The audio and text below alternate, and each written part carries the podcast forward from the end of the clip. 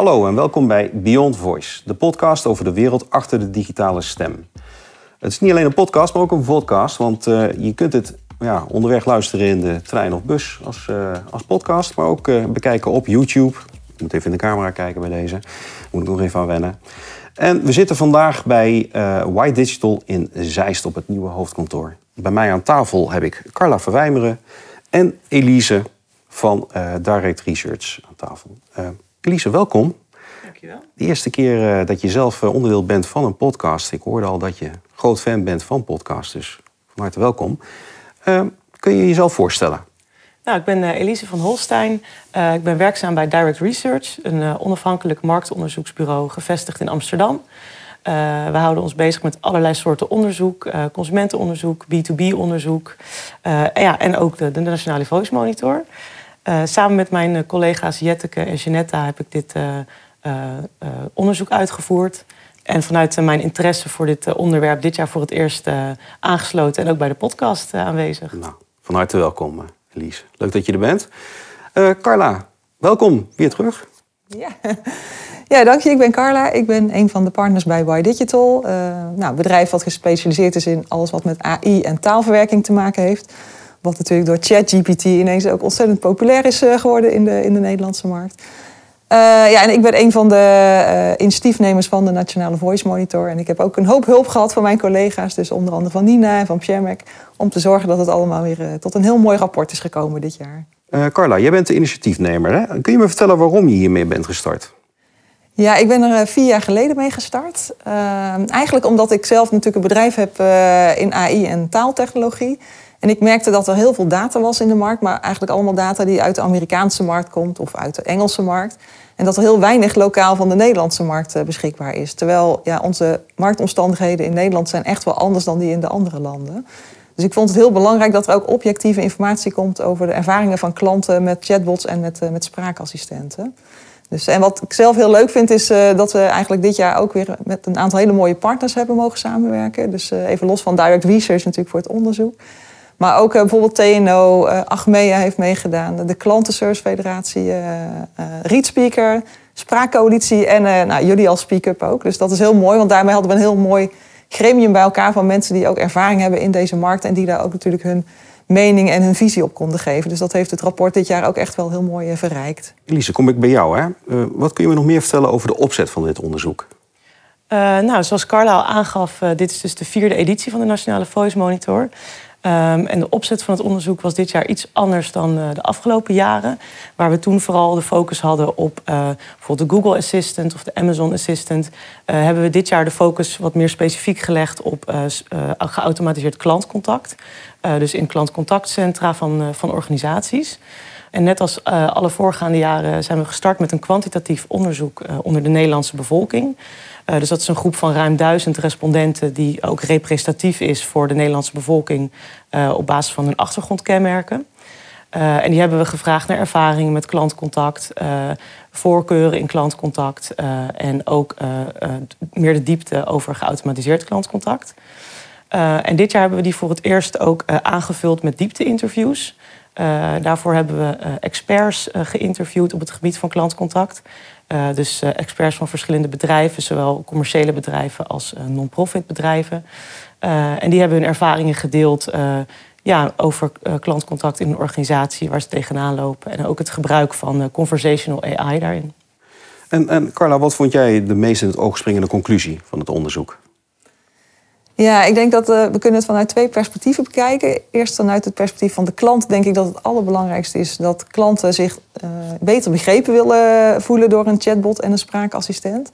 ik moet ook zeggen, dat is eigenlijk ook een beetje waar, waar Digital uit ontstaan is. We hebben echt het gevoel van ja, de technologie is nog niet ver genoeg. Het kan wel eenvoudige vragen beantwoorden. Maar op het moment dat het complexer wordt, dus bijvoorbeeld, ja, wij noemen dat dan multi-intent. Dus als, als ik een vraag zou stellen van hè, wat is een eigen risico bijvoorbeeld bij een verzekeraar, dan kan vaak een digitale assistent dat goed beantwoorden. Maar op het moment dat ik zou zeggen, uh, wat is een eigen risico en hoe hoog is dat van mij?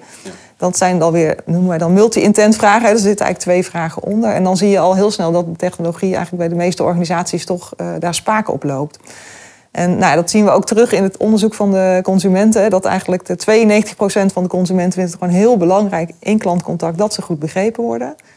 En tegelijkertijd, als we kijken naar spraakassistenten en ook naar chatbots, dan zien we dat ongeveer 10% van de klanten zich maar goed begrepen voelt.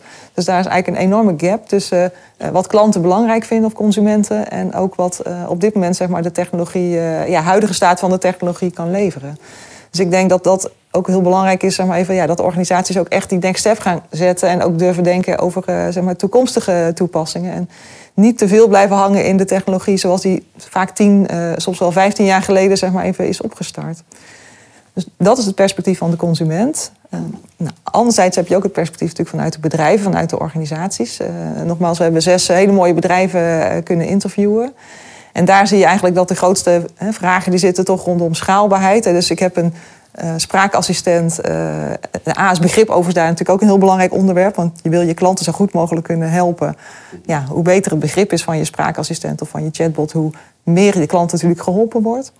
Maar je ziet daar ook bij bedrijven dat daar wel vragen zitten rondom de schaalbaarheid. Dus op het moment dat jij meer afdelingen gaat aanhaken, op het moment dat jij meer merken hebt in een bedrijf en je wil dat die merken ook goed aangehaakt worden, ja, dan is het gewoon heel belangrijk uh, dat ook het beheer aan de achterkant heel efficiënt kan gebeuren. En dat is toch ook wel iets waar veel organisaties uh, tegenaan lopen. Hè? Dat ze zeg maar, per kanaal, dus heb je voor call een oplossing... en je hebt voor je chatbot op je website een oplossing. En dat zijn losse oplossingen die allemaal los van elkaar moeten worden beheerd. En dat is gewoon ja, suboptimaal en kost gewoon heel veel tijd... en ook dus geld voor organisaties om dat uh, te onderhouden. Dus daar zitten wel belangrijke uitdagingen in de markt. Elise, heb jij nog uh, andere zaken in het onderzoek die, die jij opvallend vond? Nou, uh, we hebben bijvoorbeeld ook gekeken naar de grootste ergernissen van klanten bij klantcontact met organisaties. en daarin zien we eigenlijk dat de top drie ergernissen zijn lange wachttijden, uitgebreide keuzemenu's en medewerkers met weinig verstand van zaken.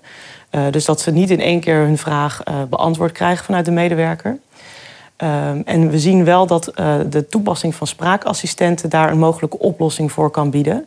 En dat dit ook uh, klopt vanuit het perspectief van de klant. Dus zij geven ook aan dat ze verwachten dat zo'n spraakassistent ook kan bijdragen aan het verkorten van de wachttijden. Uh, dat het als vervanging kan dienen voor uitgebreide keuzemenu's. en dat ze dus ook minder te maken hebben met medewerkers met weinig verstand van zaken. Uh, en ook vanuit bedrijven en organisaties zien we ook dat zij aangeven uh, dat uh, hun geautomatiseerd klantcontact ook bijdraagt aan het verminderen van wachttijden. En dat ze ook zien dat consumenten daardoor tevredener zijn over het klantcontact met de organisatie. Oké, Carla, ik hoor, ja, ik hoor in het antwoord heel veel over de inzet van spraakassistenten in contactcenters. Maar waar liggen de kansen volgens jou? Ja, nou eigenlijk wat eh, Elise net al zegt. Hè. De, de grootste ergernissen zijn lange wachttijden en zijn ook de lange keuzemenu's. Dus je kent het wel als je een bedrijf belt en hè, toets 1 voor dit, toets 2 voor dat. Nou, soms heb je acht keuzes en weet je bij keuze 6 niet meer wat keuze 1 of 2 ook alweer was. Dus dat zijn dingen waar klanten zich uh, eigenlijk over irriteren. Nou, en wat we zien met spraakassistenten is dat ze eigenlijk heel goed kunnen helpen. Eén is call routing, zoals we dat dan uh, noemen. Dus echt het routeren van telefoontjes. Dus iemand belt een organisatie en in plaats van dat jij zo'n uh, keuzemenu krijgt, zeg maar, kan je gewoon zelf inspreken met jouw natuurlijke stem waar je over belt. Nou, we zorgen dan vanuit de technologie dat er noemen wij intentherkenning is. Dus dat we kunnen herkennen van hey, een klant belt over een betaling of die belt over een product wat hij uh, wil afsluiten. Dus op die manier kunnen wij dan die gesprekken routeren naar de juiste afdeling. Zonder dat de medewerker of de consument in dit geval direct langs een keuzemenu moet. Dus dat is denk ik een hele mooie toepassing. Waar we, we zagen volgens mij ook dat ja, een heel groot percentage van de consumenten daar ook heel positief over is, over zo'n uh, zo'n toepassing. Nou, een tweede optie, dat heeft te maken met het identificeren van klanten. Uh, bij grote bedrijven, vaak natuurlijk, en trouwens ook bij kleinere bedrijven, maar waar je zeg maar, de identificatie van de klant nodig hebt om bijvoorbeeld dingen te kunnen doen, zoals het afsluiten of het wijzigen van een product. Of, hè, dan moet je wel zeker weten dat je de klant aan de telefoon hebt die ook op dat moment belt. Nou, dat kunnen spraakassistenten vaak ook gewoon heel goed al eh, overnemen. Dus dat betekent dat die tijd uh, niet door een medewerker hoeft te worden geïnvesteerd. Dus dan ga je niet het hele gesprek aan een spraakassistent overlaten, maar je gaat eigenlijk delen van het gesprek overlaten die echt zorgen voor tijdsbesparing voor de, voor de organisatie, maar tegelijkertijd ook niet leiden tot irritatie bij de klant. En we zien ook dat de acceptatie van klanten op dit vlak heel erg hoog is. Dus nou, dat zijn denk ik al twee hele mooie, mooie toepassingen. Uh, nou, en de derde, en dat heeft echt te maken met self-service. Dus op het moment dat jij als klant belt en je hebt een makkelijke vraag, dan kan het heel goed zijn dat je eigenlijk helemaal geen medewerker meer nodig hebt om die vraag goed te beantwoorden. En dat ook met behoud van je klanttevredenheid, want dat is natuurlijk wel heel erg belangrijk. Maar makkelijke vragen kunnen dus gewoon via self-service door een spraakassistent worden afgehandeld. Uh, nou, je kan je voorstellen als organisatie, als je daar uh, 10 tot 40 procent van je gesprekken op die manier kan afhandelen, dat dat een enorme winst is uh, die de werkdruk kan wegnemen in een contactcenter. En waardoor je als organisatie eigenlijk de tijd die je hebt van de live medewerkers, dat je die ook echt kan stoppen in die gesprekken die dat nodig hebben. Dus waar emotie op zit of die complex zijn. Dus dat maakt het werk voor de medewerkers ook leuker. Elise, is telefonie nog eigenlijk van deze tijd? Want er zijn nog zoveel andere kanalen waarmee, hè, bedrijven, waar je mee een bedrijf kunt bereiken. Nou, we zien nog steeds wel dat telefonie echt het voorkeurskanaal uh, is. Uh, zowel onder de, de, de, oudere, maar ook onder de jongere doelgroepen. Uh, dat zij het liefst nog steeds contact hebben met bedrijven of organisaties via de telefoon. daarna komt e-mail, waarbij, waarmee zij contact graag hebben met bedrijven. Maar we zien bijvoorbeeld wel dat de jongere leeftijdsgroepen een hogere voorkeur hebben voor het kanaal chat dan oudere leeftijdsgroepen. En wat bijvoorbeeld ook interessant is, dat we zien dat 31 tot 40-jarigen ook een bovengemiddeld hoge voorkeur hebben voor het kanaal WhatsApp. Uh, maar dat juist die groep, de jongere groep, dus de 18 tot 30-jarigen, daar wat minder gebruik van maakt. Maar over het algemeen dus wel de, de, wat jongere leeftijdsgroepen die ook al wat meer voorkeur tonen voor andere kanalen zoals WhatsApp, zoals e-mail bijvoorbeeld. Carla, wat zou je organisaties die met digitale assistenten aan de slag willen, wat zou je die adviseren? Ja, eigenlijk een paar dingen. Ik denk, eh, nou, het allereerste is volgens mij dat je echt heel goed nadenkt over je langere termijn strategie. Dus heb jij een hele kleine, wat wij dan noemen use case, dus een hele kleine toepassing. Bijvoorbeeld, je wil alleen maar een spraakassistent die een afspraak kan plannen. En dan, kan je, dan heb je niet super complexe technologie nodig om dat goed te kunnen uh, verzorgen voor een consument, voor een klant. Het is anders op het moment natuurlijk dat jij een, uh, een grote corporate bent en je hebt heel veel afdelingen uh, die je allemaal wil aanschakelen en je hebt meerdere merken. En misschien wil je ook de technologie wel voor je medewerkers laten werken, want we zien het ook veel gebruikt in bijvoorbeeld IT-helpdesks, in HR-helpdesk. Uh, ja, dan betekent het wel zeg maar even dat je heel goed moet gaan nadenken over de lange termijn. En dat je ook zorgt dat je aan het begin gewoon heel goed die technologiekeuze maakt zodat je weet van oké, waar wil ik heen? Wat is de stip op de horizon? En wat voor technologie gaat mij hierin het beste ondersteunen? Zodat je voorkomt hè, dat, dat je klanten of dat je gebruikers niet goed begrepen worden. Want ik denk toch dat dat de essentie is consumenten, en dat zagen we ook in het onderzoek terug, zijn heel erg bereid om uh, gebruik te maken van digitale assistenten, als ze maar wel gewoon het goede antwoord krijgen. En ja, ik denk dat dat hangt toch echt wel samen ook met, uh, met wat voor technologische mogelijkheden heb je eronder hangen. Dus mijn tip zou zijn, ga ook heel goed kijken naar uh, welke techniek het beste past zeg maar, binnen, jou, binnen jouw organisatie. Elise, heb je nog toevoegingen? Ja, ik denk dat het ook heel belangrijk is dat organisaties uh, blijven meten uh, wat hun klanten ervaren binnen uh, klantcontact met een organisatie. zodat ze ook inzicht krijgen in hoe de toepassing wordt ontvangen door klanten, hoe zij het ervaren en of ze het prettig vinden of dat er nog verbeteringen zijn. zodat je ook altijd het beste klantcontact voor je klant uiteindelijk blijft leveren. En niet dat het meer geautomatiseerd wordt, maar dat de klantervaring minder van wordt. Oké. Nou, uh, Elise, het is duidelijk. Uh, voor goed onderzoek moeten we dus bij Direct Research zijn. Maar goed. Carla, heb jij nog toevoegingen?